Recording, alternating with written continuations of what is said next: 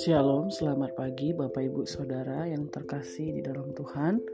Pagi hari ini kita akan mendengarkan kebenaran firman Tuhan yang datang bagi kita semuanya di dalam Yohanes pasal yang kelima ya, atau Injil Yohanes. Kalau kita melihat eh, kita akan fokus kepada Yohanes pasal 15 dalam pasal 5 ayat 1 sampai 18 yang berbicara mengenai penyembuhan orang sakit 38 tahun ya.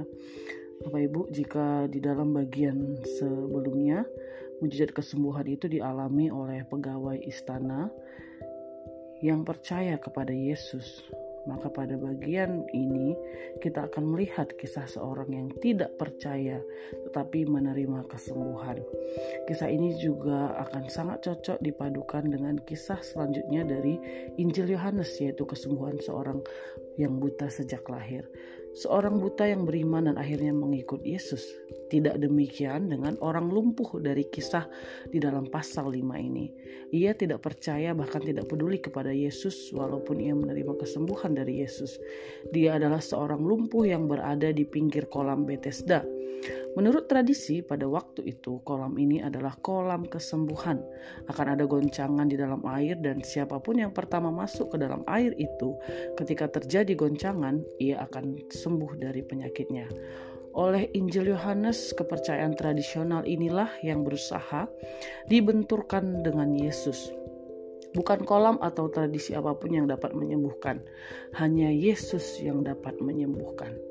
Orang itu terus duduk di pinggir kolam sambil menunggu kesempatan bisa disembuhkan.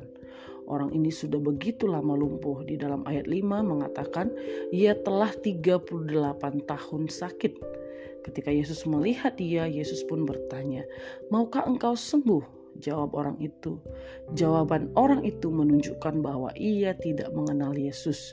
Dia tidak menjawab, "Ya, aku mau sembuh," tetapi menjawab bahwa kolam yang dapat menyembuhkan itu tidak dapat dicapai oleh dia karena dia lumpuh. Dia tetap mengandalkan kolam, padahal di depan dia ada Yesus yang sedang bercakap-cakap dengan dia. Inilah pikiran orang yang telah dikurung oleh kebiasaan dan cara pikir yang sempit seperti inilah kita semua. Hanya ketika kita ketika anugerah Tuhan datang lalu membukakan pikiran kita dan membentuknya berdasarkan firman Tuhan, barulah kita dapat diselamatkan dari cara berpikir yang sempit ini. Kesempitan berpikir yang membuat orang tidak bisa mengenal Tuhan dengan benar. Kemudian Tuhan menyembuhkan dia yang orang lumpuh tersebut dengan sebuah perintah, angkat tilammu dan berjalanlah. Orang itu sembuh dan melakukan apa yang Yesus perintahkan. Tetapi ada satu masalah. Hari itu ternyata hari Sabat. Orang-orang Yahudi dilarang melakukan pekerjaan pada hari Sabat. Memikul tilam adalah salah satu dari banyak hal lain yang dilanggar pada waktu hari Sabat. Itulah sebabnya orang-orang Yahudi sangat marah melihat orang itu memikul tilamnya. Ini pelanggaran terhadap sabat. Melihat dirinya diserang seperti itu, orang yang telah disembuhkan itu segera menyalahkan Yesus. Orang yang menyembuhkan aku yang memerintahkan, maka aku lakukan ini. Orang yang sangat rusak cara berpikirnya, bukan? Dia telah disembuhkan oleh Yesus dan dia mau dan dia mau lakukan adalah yang bahkan yang dia lakukan adalah menjerumuskan Yesus oleh karena memerintahkan dia melakukan ini. Tetapi mengapakah Yesus memerintahkan dia memikul tilamnya kalau begitu? Tidak tahukah Yesus kalau ini dapat menjadi masalah? Justru Yesus tahu itu. Justru Yesus ingin mendidik umatnya untuk memahami Taurat dengan benar mereka melakukan segala peraturan dengan mekanisme mekanistik dan kering. Mereka tidak paham makna di balik setiap peraturan itu. Peraturan ditaati hanya sebagai usaha untuk membuktikan bahwa mereka adalah orang yang saleh. Mereka adalah orang lebih baik dibandingkan orang lain.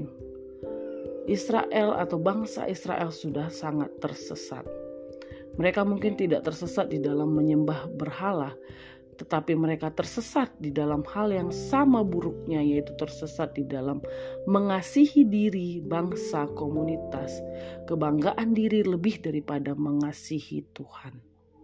Mereka tidak mengasihi Tuhan dan tidak memahami isi hati Tuhan di dalam firman-Nya.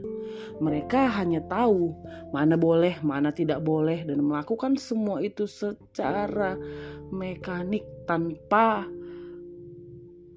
ada hati dan tanpa ada kasih, tanpa kecintaan mereka kepada Allah. Itulah sebabnya pengharapan akan pertobatan sejati hanya mungkin kalau Sang Mesias datang dan memberikan hukum di dalam hati setiap orang yang di dalam terdapat di dalam Yeremia 31 ayat 33 sampai 34. Apakah makna sabat? Sabat adalah hari ketujuh yang didikmati Tuhan setelah ia menyelesaikan pekerjaannya. Dia beristirahat di hari yang ketujuh. Dia juga mengundang umatnya untuk menikmati istirahat ini bersama-sama dengan dia. Inilah makna sabat. Tuhan berdiam bersama-sama dengan manusia di dalam kemuliaan dan kesucian yang sempurna damai sejahtera, sukacita, kegembiraan, kasih, kekudusan, kemuliaan, semua akan memenuhi bumi ketika hari ini tiba. Tetapi apakah syarat manusia dapat memasuki sabat sama dengan Allah? Yaitu jika manusia telah selesai melakukan pekerjaannya. Tetapi ternyata manusia jatuh ke dalam dosa. Itulah sebabnya Allah memulai pekerjaannya menebus manusia. Pekerjaan penciptaan telah selesai. Sekarang ia mempersiapkan umat yang akan dia tebus. Itulah sebabnya di dalam ayat 17 Yesus berkata bahwa dia dan Bapa di surga bekerja hingga sekarang. Karena sang Bapa di surga masih bekerja, demikian juga dia bekerja hingga tiba saatnya dia menyelesaikan pekerjaannya yaitu menaklukkan bumi dan menaklukkan kejahatan serta maut. Barulah tiba sabat yang sejati atau istirahat yang sejati. Inilah makna sabat. Setiap hari ketujuh orang Israel beribadah kepada Allah dan menjalankan sabat sambil mengingat pengharapan sabat yang sejati ketika sang Mesias berhasil menjalankan pekerjaannya. Apakah orang Yahudi memahami ini dengan benar jika mereka memahami ini, mereka tidak akan membenci Yesus karena apa yang Yesus kerjakan adalah karya keselamatan itu.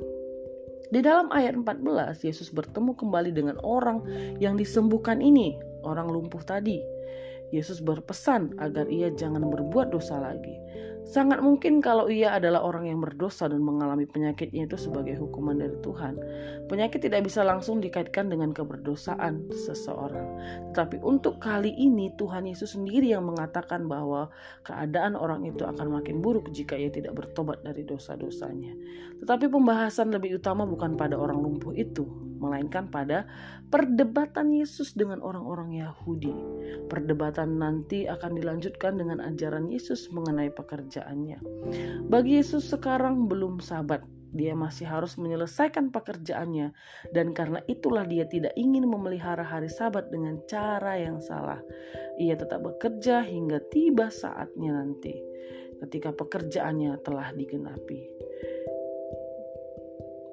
Betapa menggelikan jika orang Yahudi mengajarkan makna hari Sabat kepada Yesus yang justru akan menggenapi Sabat itu sendiri. Yesus menyembuhkan, mengajar, berkhotbah hingga akhirnya menderita dan mati di kayu salib. Inilah pekerjaan yang diterimanya dari Bapaknya di surga. Inilah yang akan dia lakukan untuk membuat segala segalanya menjadi baru.